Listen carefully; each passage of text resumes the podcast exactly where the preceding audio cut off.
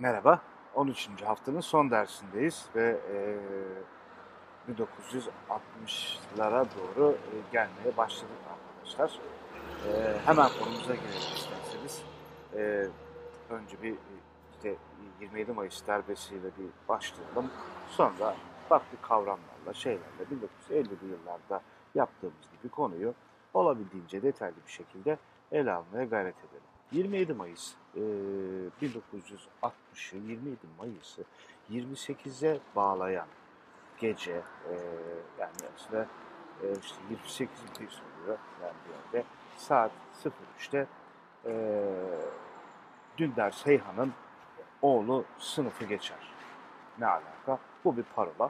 Yani 27 Mayıs darbesiyle Dündar Seyhan'ın oğlunun arasında ne bağ var derseniz bu bağ var.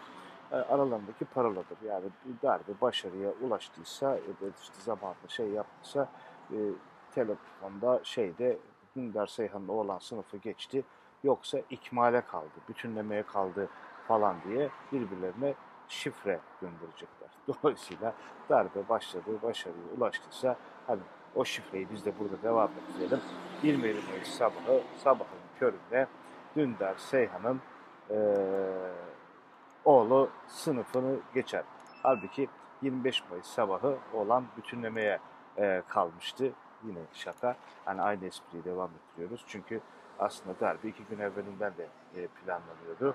Ama e, işte e, 27 Mayıs sabahına e, bir şekilde kalıyor ve artık e, e, artık bir darbe kuvveden fiile e, geçmiş e, oluyor. E, Türkiye'de yeni bir döneme geçmiş oluyor. Kışlalarından çıkan hareket eden askerler başta Ankara ve İstanbul olmak üzere sokaklara dağılıyorlar.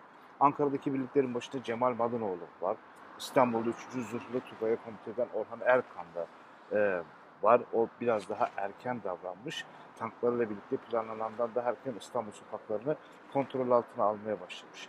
E neden derseniz başka bir şifreyi yanlış yorumluyorlar. Arada minik bir irtibatsızlık e, oluyor arkadaşlar. O yüzden aslında böyle bir şey oluyor. Yani İstanbul'da bir saat erken başlıyor, Ankara'da bir saat geç başlıyor e, ama başlıyor. Yani niye öyle oluyor? E, Ankara'dan İstanbul'a e, gönderilen bir şifreli telgraf var. Şifreli telgrafta e, İstanbul'daki Erkan Kabibay'ı arayan Muzaffer Yurdakolar e, şöyle bir şifreli telgraf gönderiyor şey Erkan Kabibay'a emekli sandığımdan istediğim 7, 2, 2740 lirayı aldım. 10 lirasını kestiler. Niye vurguluyorum bunları? Çünkü şifreler zaten bunlar. 2740 liraya aldım. 10 lirasını kestiler. 2730 lira kaldı. Eskişehir'deki havacı arkadaşın parasını da aldım ama bildiremiyorum. Ona da sen hallediver. Telgraf bu. Dündar'ın, Seyhan'ın oğlunun sınıfı geçmesi, bütünlemeye kalması gibi tabii ki bunların da ne emekli sandığıyla ne bir 2740 lirayla onun hiçbir alakası yok. Olay aslında şu, e, bunun anlamı e, 27 Mayıs saat 3'te, harekatın saat 3'te başlayacağı ve saat 4'te hedeflere ulaşacağı şeklinde. Ama e, işte e, o, o Orhan Kabibay ise bu şifreyi yanlış yorumlar. 27 Mayıs saat 4'te 2740 2740 2740 lira oradan geliyor. 27 Mayıs gecesi saat 4'te başlaması gereken hareketin bir saat erkene alındığı şeklinde oluyor. 10 lirasını kestiler diyor ya. Hani 2730 oluyor. 27'si saat 3'te başlamak lazım falan gibi anlıyor. O yüzden de üçte hedeflere ulaşacak şekilde birliklerini hareket ettiriyor. Halbuki kendisine denilen o değil. 27 var saat 4'te. Bu bir ayrıntı mı? Ayrıntı. Gereksiz bir ayrıntı mı? Evet hani başlarken böyle bir e, detayla e, şeyle başlayalım diye düşündüm. Orhan Erkanlı e, Cemal Madanoğlu Ankara'da. 3. Zırhlı Tugay Komutanı'dan Orhan Erkan'la şeyden, demin de ayrıntısını, detayını konuştuk. E, şeyde İstanbul'dan e, başlıyorlar. Kont kont şeyleri kontrol altına alıyorlar. Sokakları bir yerde kontrol altına alıyorlar. Çatışmalar oluyor. Yani ölenler olacak. alakalı alakası olan olacak. Başbakan Menderes Kütahya'da kontrol altına alıyor ve bu işte işte e, Agasi Şen ve Muhsin Batur görevlendiriyorlar. Celal Bayar, Cumhurbaşkanı Celal Bayar Köşk'te kendisini teslim almaya gelen subaylara direniyor. Ya İşte gene her zaman yaptığımız gibi tiyatro gelip işte Sayın Cumhurbaşkanı ordu yönetimi el koydu. Lütfen bizimle geliniz. Bayar eski iddiatçılardan cebinden silah çıkartıyor ve e, ateş ediyor. Yani işte ateş ediyor. Yani etmeye teşebbüs ediyor falan filan değil ama tabanca ateş alıyor. E, hemen e, müdahale ediyorlar falan. Yani e, işte elinden alıyorlar tabancasını. Ha, harbiye yolculuğu böylece başlamış oluyor. İşte artık Cemal Tural'ın sözleriyle kalbi vatanca vuran, vicdanı milletçe işleyen Harbiye'nin Türk milletine bir gecede yeni bir vatan, yeni bir hürriyet kazandırması, aziz ve kahraman ordusunun süngülerinin pırıltısı ve himayesi altındaki hakiki ve ebedi saltanatını koruması zamanı gelmiş oluyor arkadaşlar. Tabii 27 Mayıs bu mu? E, değil. Ya da Cemal Gürsel'in ifadesiyle işte ülkenin ışıklı günlere kavuşma zamanı 27 Mayıs sabahı gelmiş. Şimdi bu olay anlatısını burada e, tabii ki e, bırakacağım arkadaşlar. Yani kim ne dediğini yaptı. Lazım oldukça gene geri döneriz, şey yaparız, e, konuşuruz e, şeyleri. Ama hani 27 Mayıs sabahı evet gerçekten e, Cumhuriyet tarihinde yeni bir e, dönem e, mede e, artık bir şeyde geçilmiş oluyor. Dönemde de işte yeni Cumhuriyet, ikinci Cumhuriyet tartışmaları falan filan yapılmaya başlanacak. Daha sonra 80 yıllardan sonra ikinci Cumhuriyet tartışmaları yapılmaya başlanacak. Bugün de yeni rejim tartışmaları falan filan yapılıyor. Aslında bir ara daha eli yüzü düzgün bir şekilde Türkiye'de yeni rejim, ikinci Cumhuriyet tartışmalarına ne kadar eski, baş e, falan olduğu ile ilgili bir şeyler de hani e, işte ise popüler bir şeyler falan yazmak da gerekir mi e, düşünmek lazım. Şimdi neyse oraya gelmeyelim, e, şeye gelmeyelim. Biz kendi tarihsel e, şeyimizde neredeyiz? Biz ne- ne demek neredeyiz? Şimdi e, biz e, ta 1950'lerin en baştan konuşurken bir takım helezonlardan bahsettik. Tarihi helezonlarla falan e, lan şey yaptık. E, o nedir onun adı? İşte e, okumaya ya e, yeltendik öyle diyelim iyi de ettik. E, şimdi 1950'de birinci merkez sağ başlamıştı. E, ardından e, birinci merkez sağ e, 1950-60 işte 60 darbesi deyiz şu anda. Birinci askeri idare dönemi. Bunu bunu koalisyonlar dönemi takip edecek. Koalisyonlar döneminden sonra 65'ten sonra ise ikinci merkez sağ dönemi e, bitecek. O zaman biz hala kendi helezonumuzda helezonumuzda daha o birinci spiralde olduğumuzu e, muzu unutmayalım. Tekrar edeyim, hatırlayın ya da o dersin linkine size zahmet tıklarsanız arkadaşlar neydi? Bizim bir birinci merkez sağ, efendim e, birinci askeri idare dönemi, koalisyonlar dönemi falan diye giden bir şeyimiz vardı. 1950'den 1960'a kadar olan dönemi 27 Mayıs Savaşı. Bugün şu anda konuştuğumuz tarihe kadar olan döneme bir gün öncesine tabii ki biz ne dedik? Birinci merkez sağ dönemi, DP dönemi. Bugün konuşacağımız dönemin adı neydi? Birinci askeri idare dönemi 27 Mayıs dönemi. İyi, çok güzel. Bunu ne takip edecekti?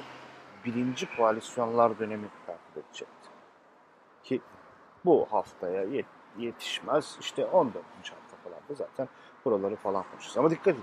Daha birincilerdeyiz. Yani birinci merkez sağ dönemi, birinci askeri idare dönemi, birinci koalisyonlar dönemi.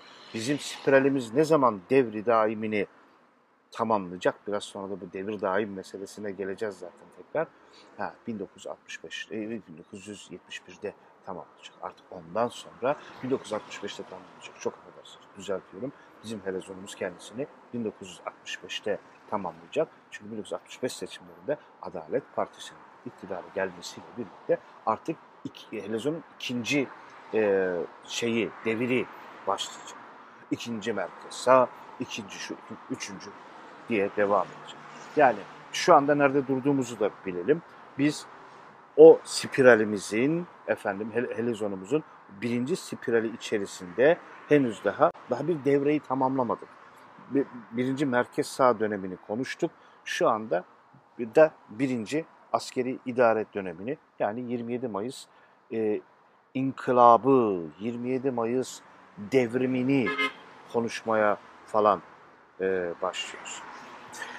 Devrim falan, inkılap e, kelimelerini de vurgulamamdan da zaten e, anlamış olacaksınız ki aslında biraz da bu kavram biraz değil de çok detaylı bir şekilde de bu kavramlar üzerine de e, durmaya, bu kavramlar üzerine konuşmaya da çalışacağım sizlerle arkadaşlar. Ama önce önce e, darbe nedir değil.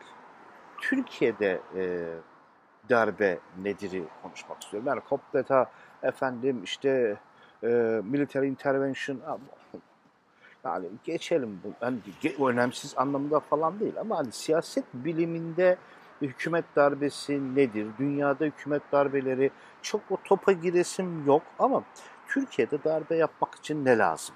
Ma bir bakmak lazım.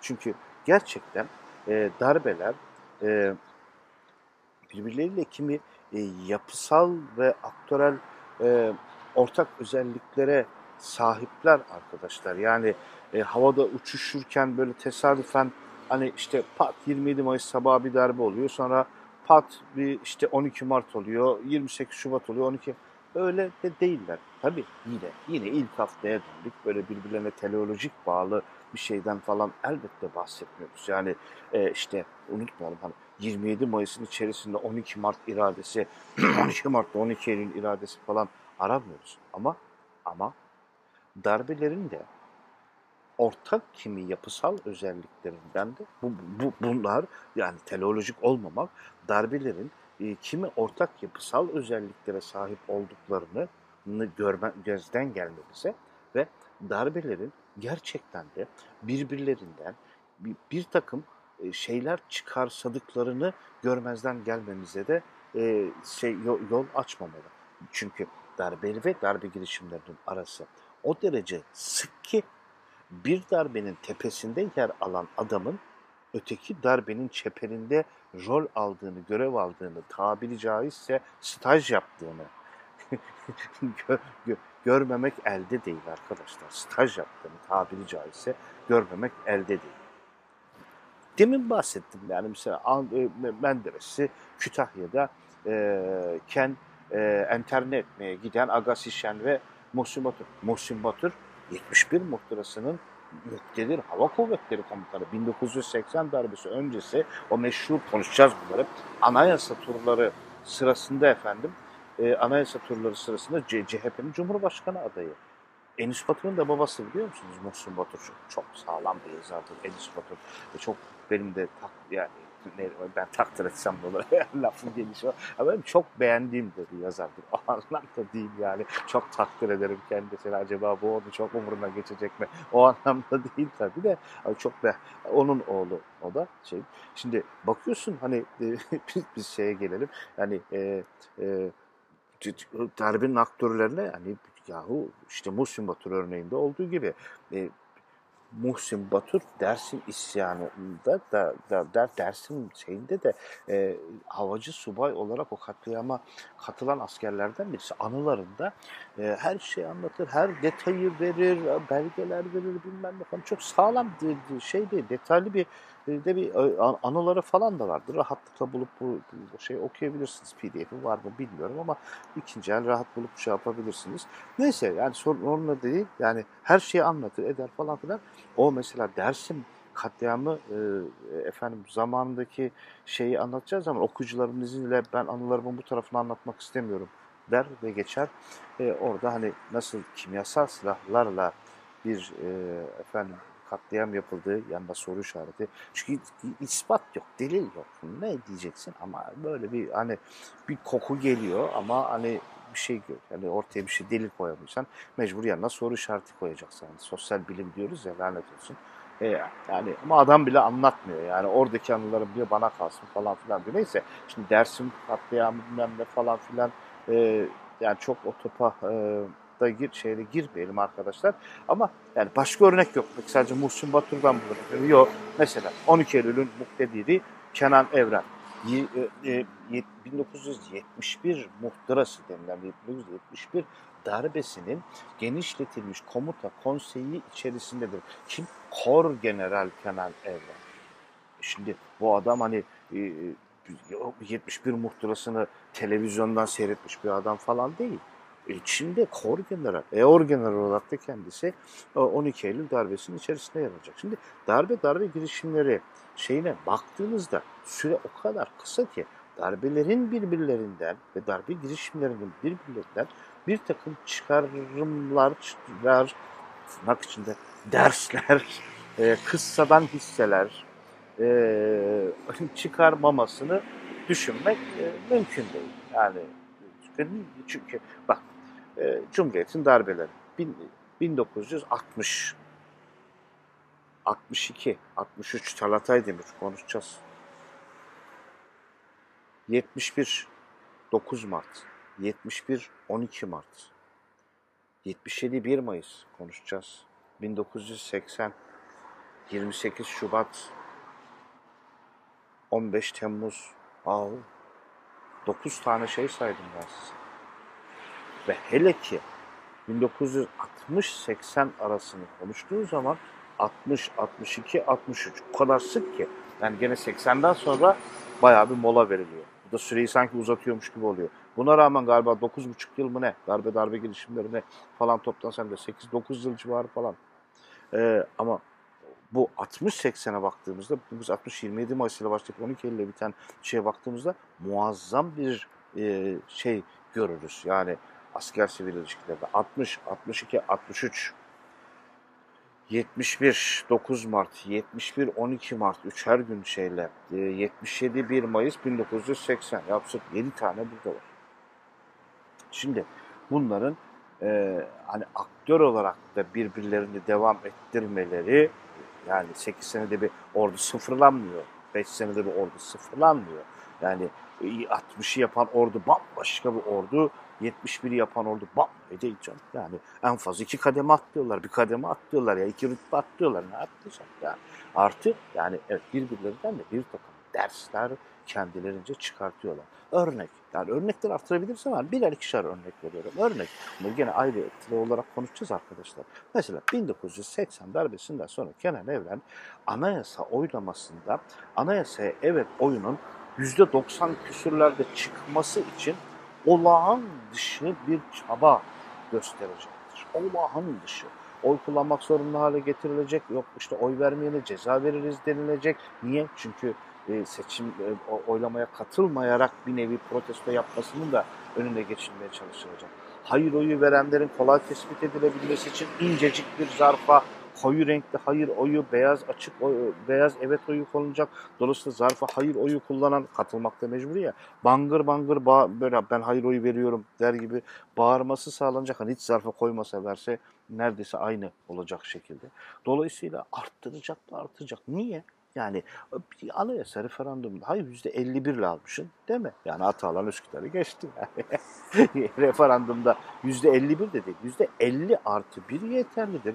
Yani %90'la bu eşit hükümlüdür. Yani referandum çünkü ya plebisit bu.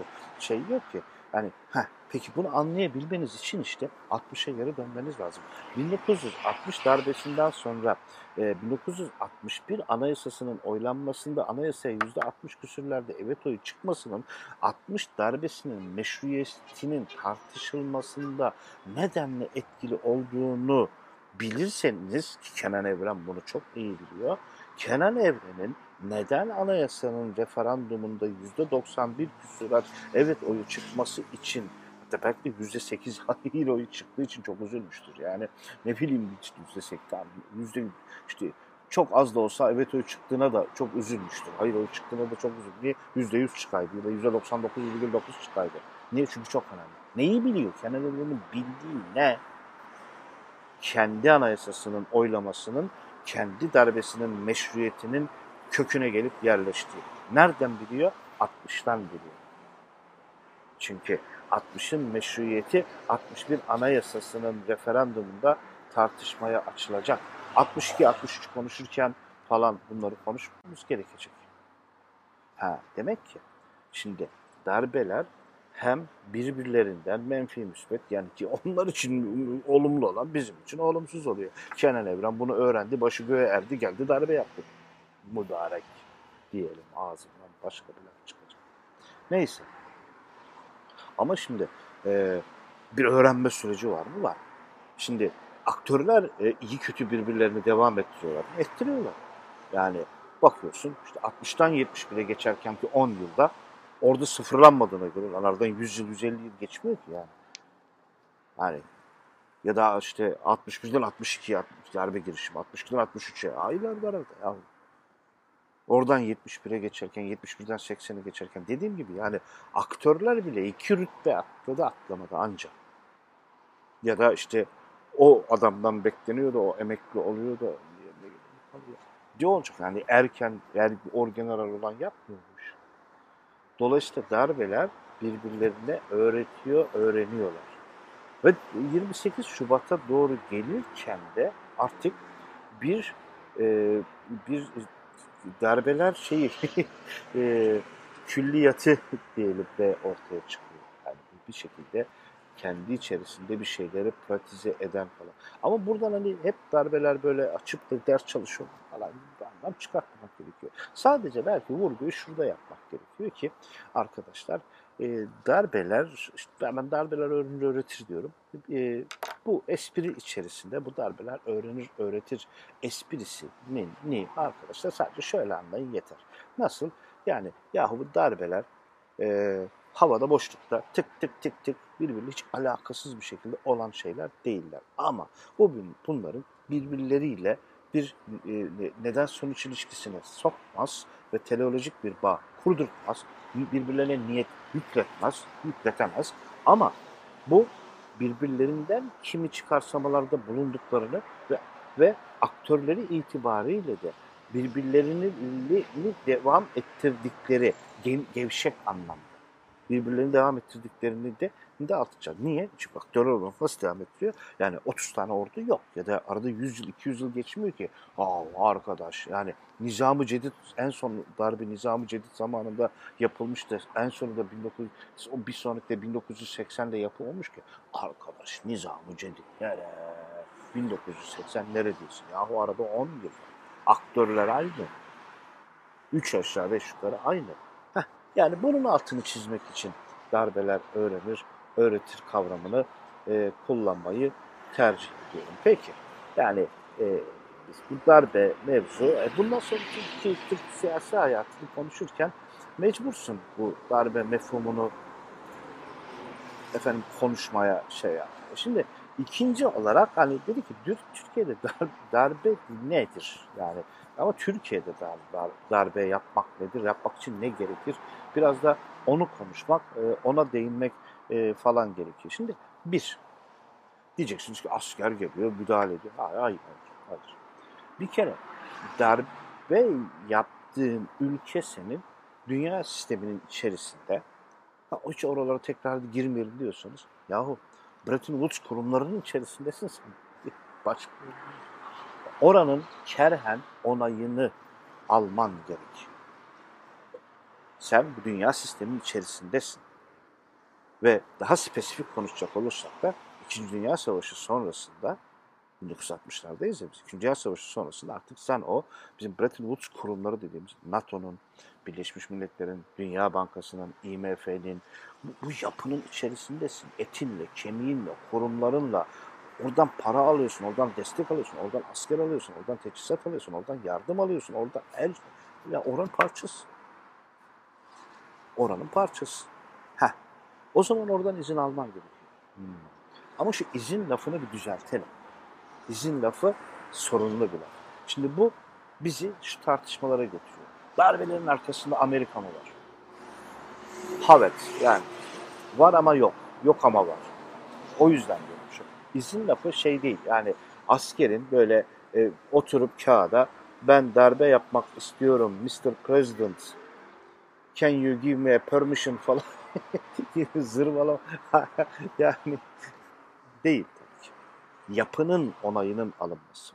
Bak burada Amerika'nın e, doğru düzgün e, oturtmanız gerekiyor.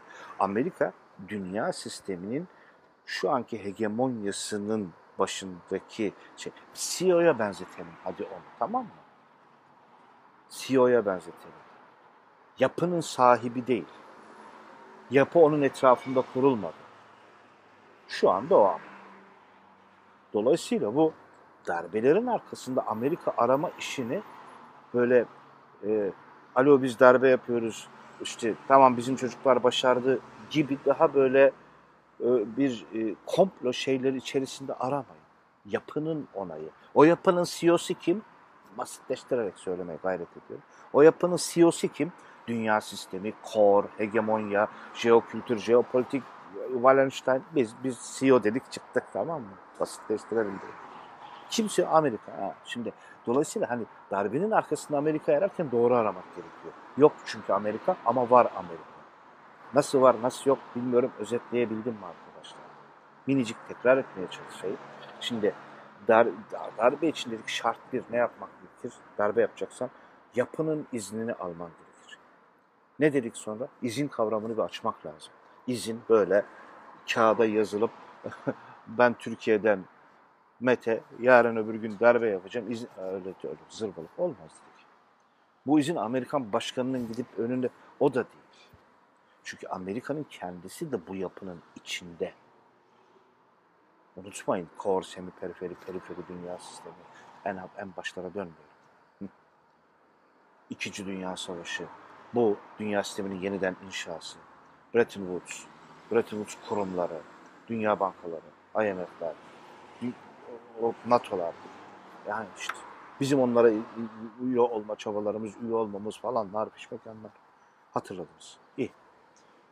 Sen bu yapının içerisinde darbe yapıyorsun. Bu yapıdan habersiz, bu yapıyı görmezden gelerek bu yapının dışında yapamazsın. Çünkü bağımlısın. Bağımlısın. Yapıya bağımlısın zaten. Bu sadece sen mi bağımlısın? Ya bütün yapı birbirine bağımlı zaten. Bunun içerisinde core ülkeler de dahil.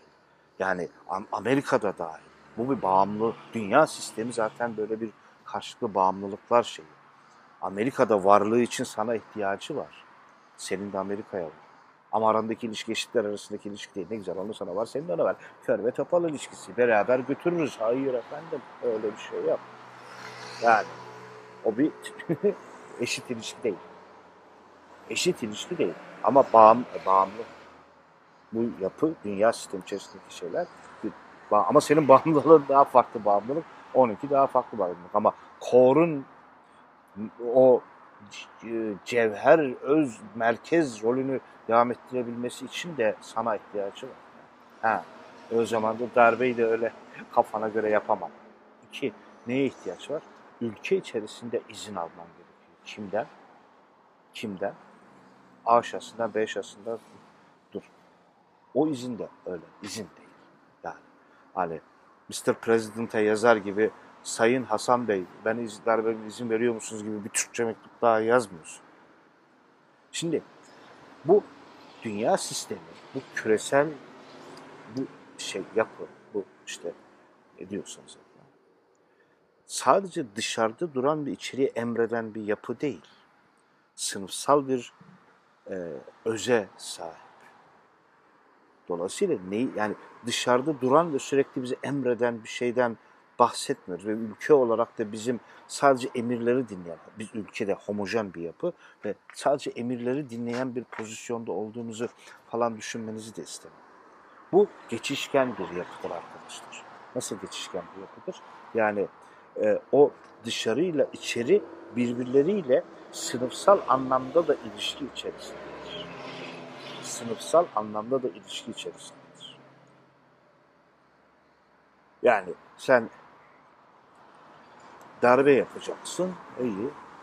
Efendim sadece uluslararası, 1980 darbesini yapacaksın. Sadece uluslararası yapı, IMF'yi ikna etmen, 24 Ocağı yapacağım bilmem ne falan o yetmez.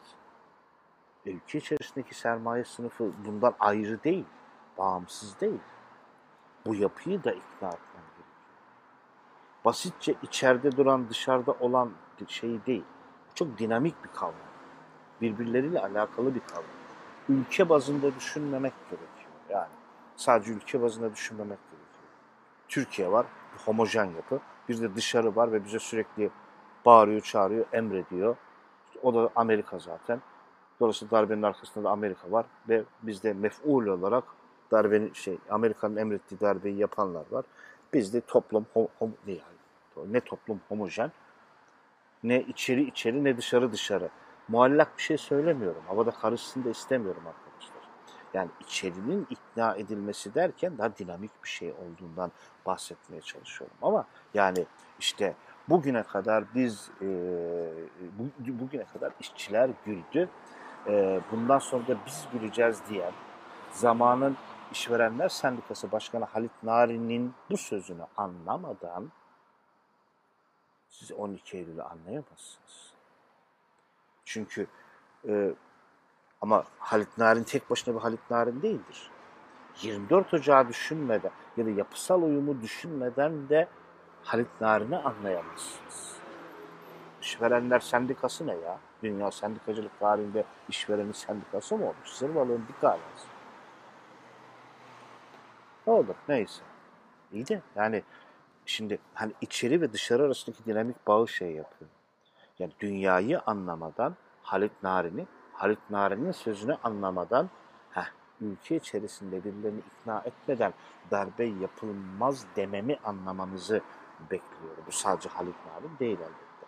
Ne diyordu? Yani bugüne kadar hep işçiler güldü. Şimdi biz güleceğiz. Oh ne güzel kalır. Hocam sadece 1980 darbesi mi? 1960 darbesinin e, bu tel geçişi, peşinden devrim otomobilleri başarısızdı ama peşinden onun e, koç önderliğinde Anadolu tahvili falan o yakın kuruluşu. Bunları anlamadan 60 darbesini anlayamazsınız. Ama dönemin Keynesyen ekonomisi bilmem ne, ithal ikameciliği işte falan o dönemin ekonomisini anlamadan da ve işte 60 darbesini anlayamazsınız. Çünkü darbeler sadece askerin yaptığı bir şey asla değildir. Zaten onu demeye çalışıyorum, onu anlatmaya çalışıyorum. O zaman darbeyi gerçekleştirmek istiyorsan bir kardeşim, uluslararası e, dünya sisteminin okeyini alman, en azından kerhen almak zorundasın. Ehvenişer olduğunu göstermek zorundasın. Çünkü bu bir yapı bu yapıda herkes kendi kafasına göre şey yapamıyor. Bir iş bölümü şeyi falan var. Değil mi?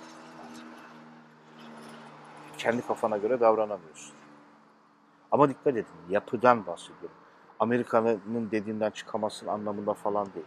Bu somut olarak Amerika'nın dediğinden çıkamazsına indirgendiği zaman bile aslında geçerli olan şey yapıdır arkadaşlar.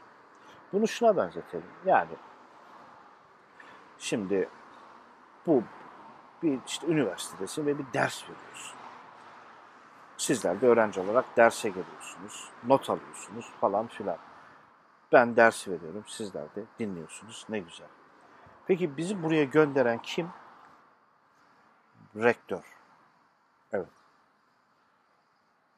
Yani o bunun yetkilendirdiği insanlar ders programına hazırlıyor, imzalıyor, onaylıyor. Beni oraya görevli olarak atıyor. Sizi oraya öğrenci olarak atıyor. Ben not veriyorum. Sizin geçmenizi kalmanıza vesile oluyor.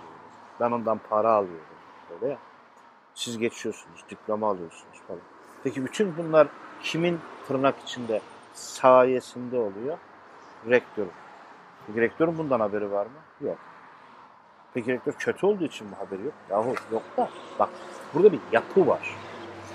Burada bir yapı var. Hacettepe Üniversitesi yapı var. Değil mi? Şimdi bu yapının bugünkü patronu bu rektör. Yani başka rektör. Ertesi gün üç başka rektör. Bak. Ha.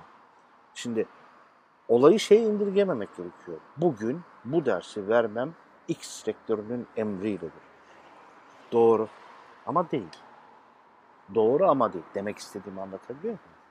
Doğru ama değil. Çünkü gerçekten de e, hocanın imzası, estek kösteği olmasa, izni olmasa, ne bileyim yetki. Ama yapının izni var ya. Yani hoca böyle e, inayeten böyle arayıp da hadi koçum sen derse gir gibi mekanizma işlemiyor ki. Çünkü mekanizma var ortada. Aynı şey. Aynı şey orada da geçerli. Yani Amerika'nın izni, darbelerin arkasında Amerika var. E bu senin dersi Alman'ın da arkasında rektör var o zaman. Ne alaka? E canım o hiçbir alaka olmaz olur mu? Doğru. Ama doğru ama yanlış. Darbenin arkasında Amerika ararken de böyle arayacaksın. Doğru ama değil. Var ama yok. Çünkü bir yapı var ve o yapının içerisinde bir rektör var. Of ama bir, bir, Amerika var. E, doğru. E, buraya konuşacaksan bir rektör var. Yapının içerisinde. Yapı onun etrafına kurulmuyor. O yapının içerisinde, merkezinde bugün onun patronu, CEO'su diye. CEO'su. Sahibi değil. İkisi arasında fark var. Bu anlamda bir izin alman gerekiyor. İki, bunun yerli şeyleri, uzantılarından izin alman gerekiyor. Yani uzantı lafı şey gelebilir. Ama içeri ve dışarı dinamik bir ilişki içerisindedir demiştik ve sınıfsal bir ilişki içerisindedir. Bu e, tabii sadece sınıfsal değil. Sınıfsal bir ilişki de içerisindedir diye D koyalım oraya. Ama e, yani o e, temel ayrıcı özellik şu, iş sadece ulus devletler düzeyinde gitmiyor. Yani Amerika var darbenin arkasında, Türkiye'ye darbe yapıyor diye özetleyip geçemezsiniz orayı. Çünkü çok homojenleştiriyorsunuz. Çok homojenleştiriyorsunuz diyor. Ki değil. Ha, içeriden bahsederken işte Halit Narin örneğini verdik, Koç örneğini verdik falan ama sonra bu isimleri de falan da takmayın. Ya da sadece burjuva sınıfıyla falan da şey yapmayın. Daha geçmiş. Başka ne gerekiyor? Üniversite gerekiyor. Üniversitesiz darbe yapamazsın arkadaşım. Neden? Hala askeri saymadım.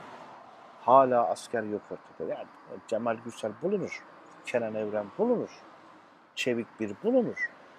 Sen diğerlerini hazırla. Atlarsın uçağa İzmir'e gidersin. Cemal Gürsel bulur gelirsin. Birazdan anlatacağım. Nasıl alıp geldiklerini. İş askere kalsın. Darbe yapacaksa. Şaka. Yani. Ama geldik bir diğer madde. Üniversite lazım. Üniversitesiz olmazmış. Niye? Çünkü darbe ger gerçekleşenine darbe denmez. Darbe gerçe girişime gerçekleşmeyenine ve kötü olanı odur. Darbe gerçekleşirse artık inkılap olur. Darbe gerçekleşirse artık başarılı olursa artık harekat olur. Muhtıra olur.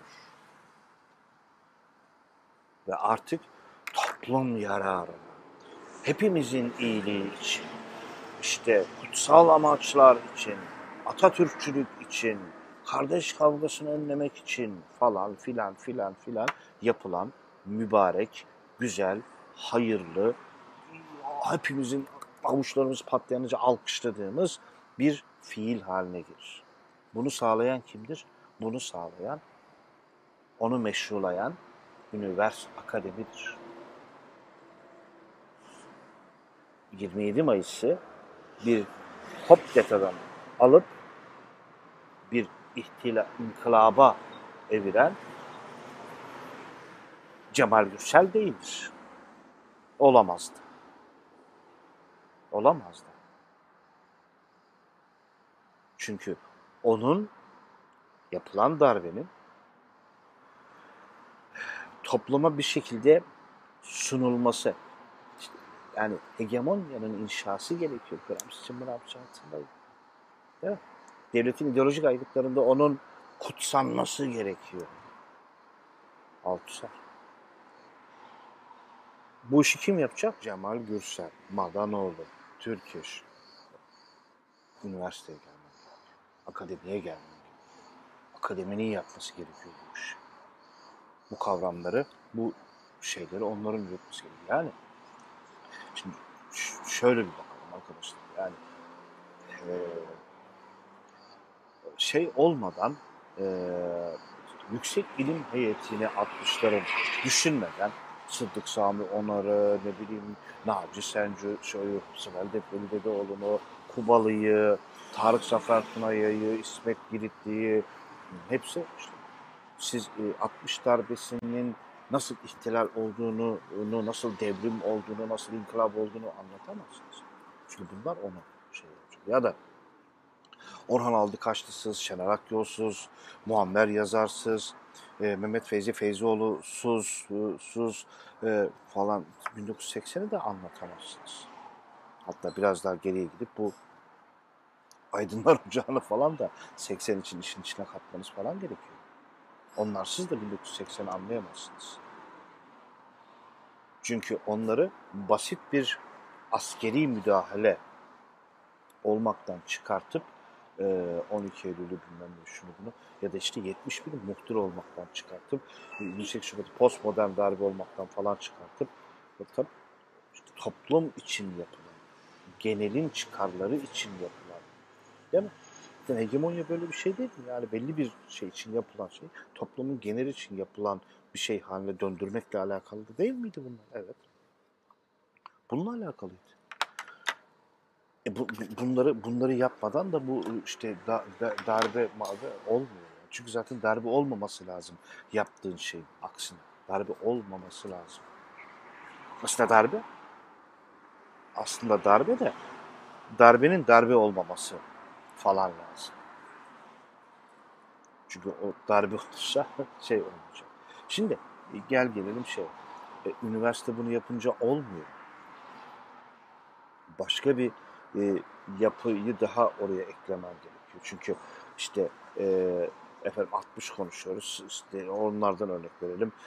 Sıddık Sami Onar'ın bakkala, markete efendim ulaşabilmesi, kahvaneye ulaşıp onu ikna edebilmesi, işte Naci Şensoy'un, işte Hüseyin Aykıvalı'nın efendim toplumun kahir ekseriyetini ikna etmesini falan bekleyemezsiniz.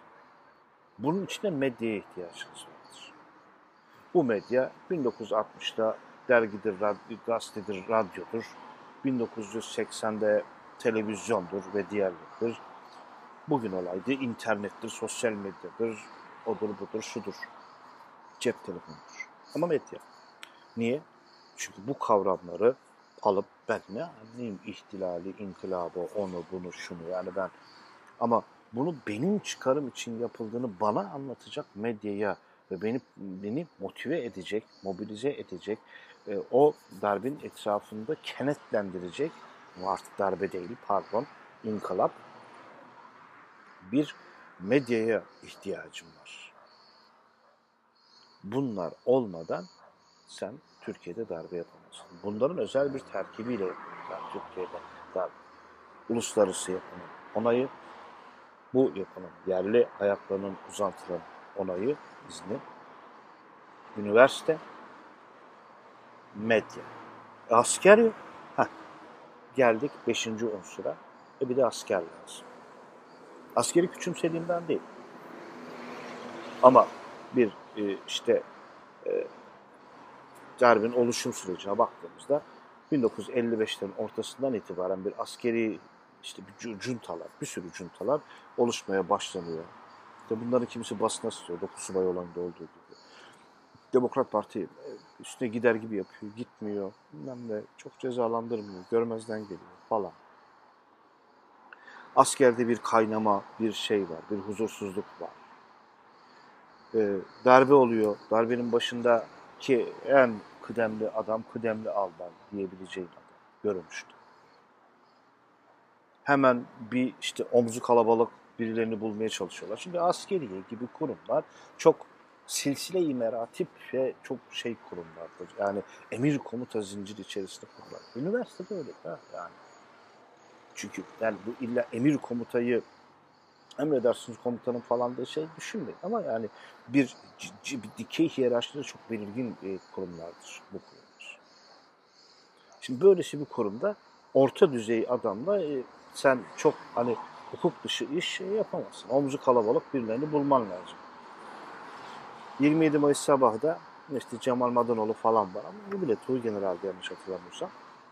Ama bu işin organizasyonunda peşine koşan, koşuşturan, örgütleyen, yapan eden kim? E işte en kıdemlisi e, şey e, Türkeş. Madanoğlu bile kaç ay evvelinden zaten şeye girmiş, yapıya girmiş. Ama o bile diyor yani hiç değilse bir ordu komutanı lazım falan filan diye. İşte Cemal Gürsel'i bulacaklar. Cemal Gürsel emekliye ayrıldı ayrılacak.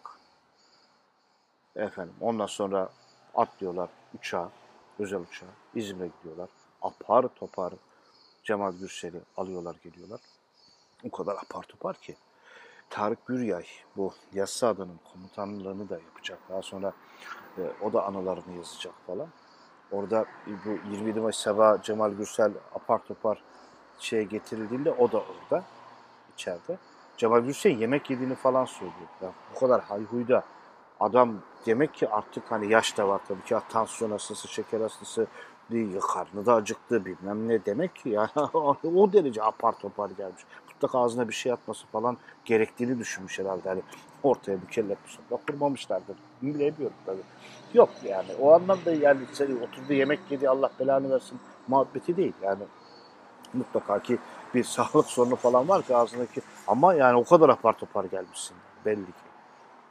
Yüksek ilim heyeti içeri girdiğinde Cemal Gürsel ya yemek yemekte ya yemeğini yeni bitirmiş Tarık bir yayın ya unuttum o ayrıntıyı unuttum. Ama o kadar apar topar gelmiş. Zaten uçakla. E, uçak mı yani niye bu kadar alacele gittiler? Ragıp Gümüşpala daha sonra Adalet Partisi'nin başına geçecek olan Ragıp Gümüşpala buradan postayı koyuyor da o yüzden ya diyor hani darbe işte asker müdahale etti darbe demiyorlar dedi ki efendim siz de orada şey sen kimsin? E, bu e, ben de orada diyor aynı rütbeli diyor bu adam yoksa diyor ben de orduyu topluyorum Ankara'ya geliyorum yani. Hemen işte omzu kalabalık Ragıp Gümüşpala'yla aynı e, sayıda yıldıza sahip ve bir adam buluyorlar. Kim? İşte Kara Kuvvetleri Komutanı Cemal Gürsel. Oradan emekli olacak aslında. Oradan emekli yani olmuyor. İlk Evren de öyle olacak. Yani bak asker bulunuyor. Asker bulunuyor.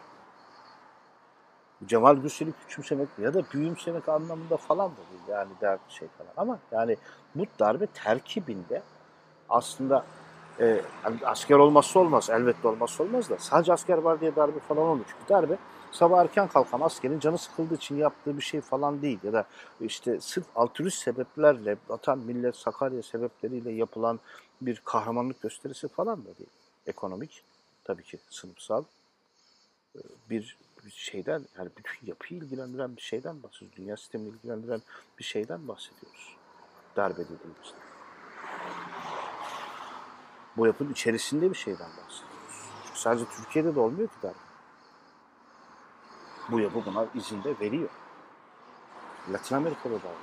Yunanistan'da olacak. Değil mi?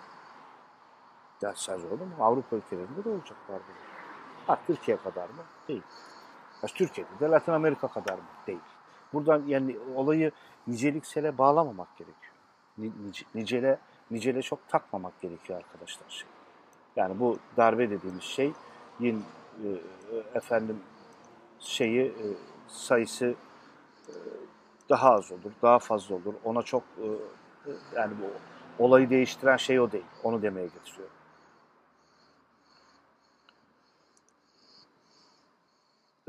Çok affedersiniz. E, o, o, olayın şeyi o değil. Şimdi bir minik mola vereceğiz. Mola verelim önümüz haftaya e, da bu şeye başlayalım. İnkılap kavramı üstüne konuşmaya başlayalım. Yani çünkü darbe kendisini bir e, devrim olarak kodluyor. E, ve 1960'lı yıllardan itibaren Türkiye devrim kavramını da, inkılap kavramını da tartışmaya başlayacak. Biz de Türkiye'de inkılap, revolution, devrim kavramları üstüne bir böyle bir sözlük çalışması, kavram tarihi çalışması ki benim Türkiye'nin 1960'lı yılları kitabında yapmaya çalıştığım bir şeydi. İnkılap, Revolution, devrim bir kavramın tarihsel serencamı üzerine diye yazmıştım. E, onunla ilgili sizinle biraz konuşalım. Oradan da lafı e, biraz daha alıp artık 1900 işte ihtilalin mantığına getirmeye çalışalım falan. İhtilalin o mantığını bir e, çözdükten sonra da 60'lı yıllara tekrar dönelim. Ee, gene dış politikası, iç politikası falan filan şeklinde olayı götürelim. Şimdi burada bir mola veriyoruz arkadaşlar. Ee, daha sonra tekrar görüşmek üzere.